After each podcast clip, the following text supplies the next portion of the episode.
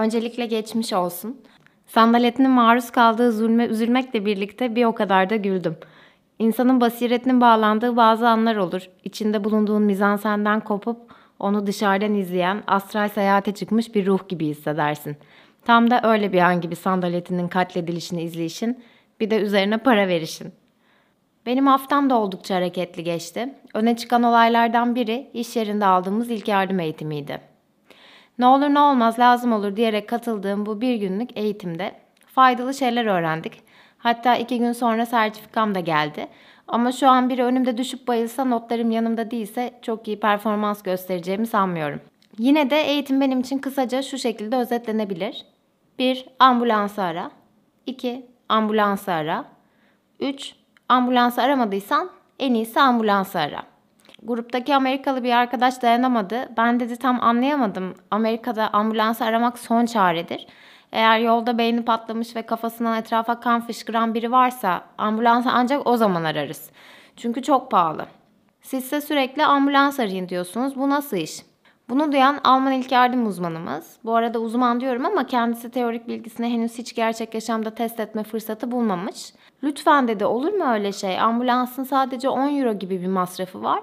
Üstelik ortalama geliş süresi 6 ile 12 dakika arası değişiyor.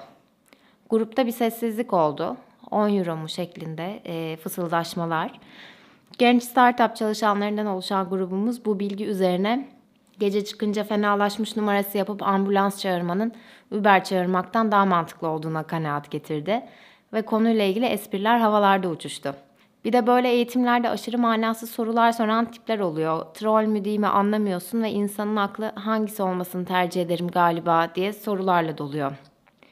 Bir başka önemli etkinlik de geçtiğimiz hafta sonu Sincap Hanım Leyla'nın PJ Mask ve Elsa sponsorluğunda gerçekleşen doğum günü partisiydi. Son haftalarda hep güneşli olan havanın o hafta sonu sürekli yağmur ve dolu beklentisi vermesi dolayısıyla iç mekanda olmasına karar verdiğimiz partiye katılım oranı çok yüksekti. 9 cüce davetliden 8'inin katılımıyla gerçekleşti yılın organizasyonu. Covid dolayısıyla anne babalardan yalnızca birinin çocuğa eşlik etmesi kuralı vardı. Kimi anne babaların canına minnet, can we enjoy free time diyerek e, katılmak istemeyenler oldu. E, Alman Türk fark etmeksizin tüm velilerin doğum günlerini biraz nefes almak için e, can simidi gibi gördüğünün adeta bir kanıtı gibiydi bu soru. Anneler babalara görev vermiş olacak ya da taş kağıt makas sonucu kaybedenler babalar olmuş olacak. Genelde e, veliler arasında erkek nüfusun e, çoğunlukta olduğu bir partiydi. Bu baba kişilerden e, birinin 14'teki partiye 13.57'de gelip kusura bakmayın 3 dakika erken geldik içeri girebilir miyiz e, demesi de Almanlığa dair sonradan bol bol anlatacağım bir yana oldu. Çocukların ortalıkta çığlık çığlığa koştuğu, kimilerinin ranzadan maymun gibi sarktığı, bu sırada bir diğerinin ağladığı, ötekinin oyun oynarken çişinin geldiğini unutup altına işediği ortam gibi bir ortamdı. Ve tabii Leyla çok eğlendi. O yüzden parti benim için süper başarılı geçti. Leyla'yı Almanca konuşurken gördüm. Bu da ikinci önemli bir kazanım. Ben de bu doğum günü vesilesiyle e, birkaç veliyle tanıştım ve Almanca konusunda çok ilginç bir noktada olduğum ortaya çıktı. Ee, hani bir nokta vardır anlıyorum ama konuşamıyorum.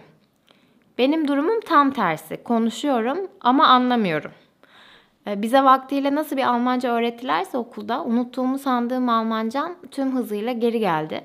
Hele ki keyfim yerindeyse, baskı altında falan hissetmiyorsam kendimi şaşırtacak kadar iyi konuşuyorum. Bir muhabbet, bir espriler, sanki Almancayı yalayıp yutmuşum gibi bir takım kalıplar böyle kolayca dökülüyor ağzımdan.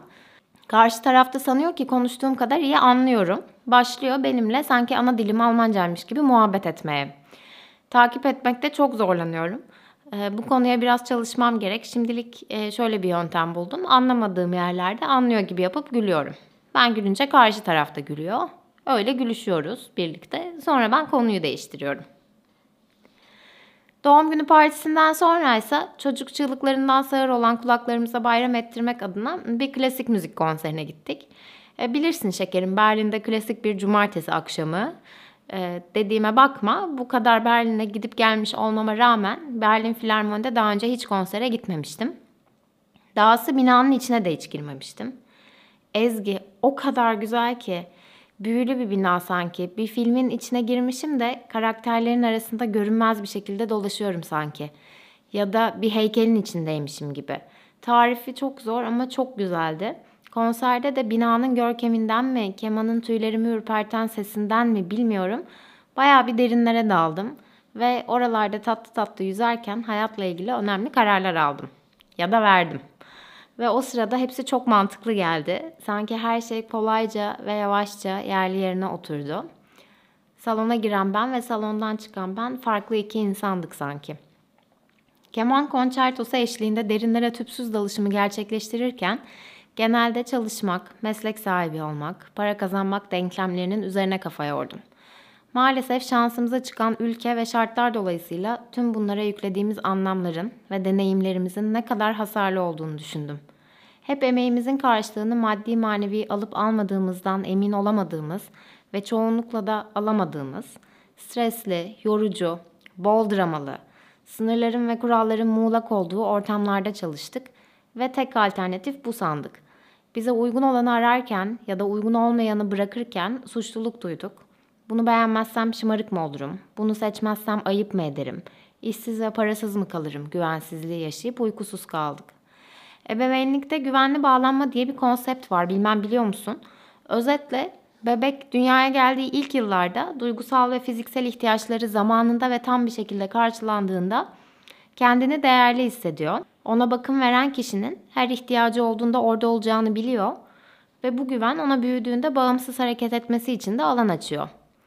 Biz jenerasyon olarak iş hayatına güvensiz bağlandık diye düşündüm orkestra şefimiz çubuğunu sallarken. Maalesef ihtiyaçlarımızın karşılanmadığı, güvenli ve huzurlu bir ortamda başlamadık bu ilişkiye. Ama bundan sonra bu güveni kendi başımıza inşa etmek mümkün olur belki. Bu keşfimden sonra terapiden çıkmış gibi ferahlamış çıktım konserden. Sanatın iyileştirici gücü buna deniyor sanırım. Bu arada geçtiğimiz hafta çok ama gerçekten çok uzun zamandır görüşmediğim bir arkadaşımla görüştüm. Ben son buluşmamızı daha eski sanıyordum ama o emin 15 sene olmuş. Üstelik 15 sene önce yine Berlin'de buluşmuşuz. O anlatırken dehşet içinde dinledim. Çünkü yine Chucky'nin kan istediği yıllar gibi o son görüştüğümüz günü silmişim hafızamdan. Asla hatırlayamadım. O konuşup anlattıkça ve detaylar verdikçe olabilir gibi geldi ama yok tek bir kare yok hafızamda. Akşam yemeği için buluştuk. Gece birde mekanı kapatıp çıktık. Bu buluşmalar o kadar güzel oluyor ki resmen klik sesi çıktı birbirimizi görünce. Ve birlikte geçirdiğimiz 6 saatin yaklaşık 2,5 saatinde ev konuştuk. O da geldiğinden beri yani 2 sene içinde 7 kere taşınmış Berlin'de.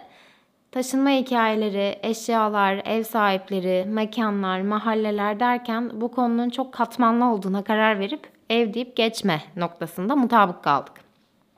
İşte böyle Ezgi'cim. Berlin biletini almana çok ama çok sevindim. Gelmeni iple çekiyorum. Sen geldiğinde havalar tamamen düzelmiş, günler uzamış olacak. Çok hayalim var bahar ve yazla ilgili. Bir kısmını gerçekleştirmeye başladım bile. Bisiklet aldık ve bisikletle Berlin'i gezmek, Leyla'yı okula götürüp getirmek inanılmaz keyifli. Belki sen geldiğinde bir evimiz bile olur. Hem de mutfaklı filan. Burada taşınırken mutfaklarını da taşıyor millet bu arada. Söylemiş miydim? Neyse ev konusunda güzel gelişmeler var ama nihayet ersin resmi açıklamayı öyle yapayım. Bu arada Oksijen'deki yazılarını takip ediyorum. Umarım yazma işine sıkıca sarılır devam edersin. Hem çok kolay akan bir dilim var hem çok derinlikli. Bu WhatsApp mesajların içinde geçerli, gazete yazıları içinde. Böyle de öveyim seni gider ayak.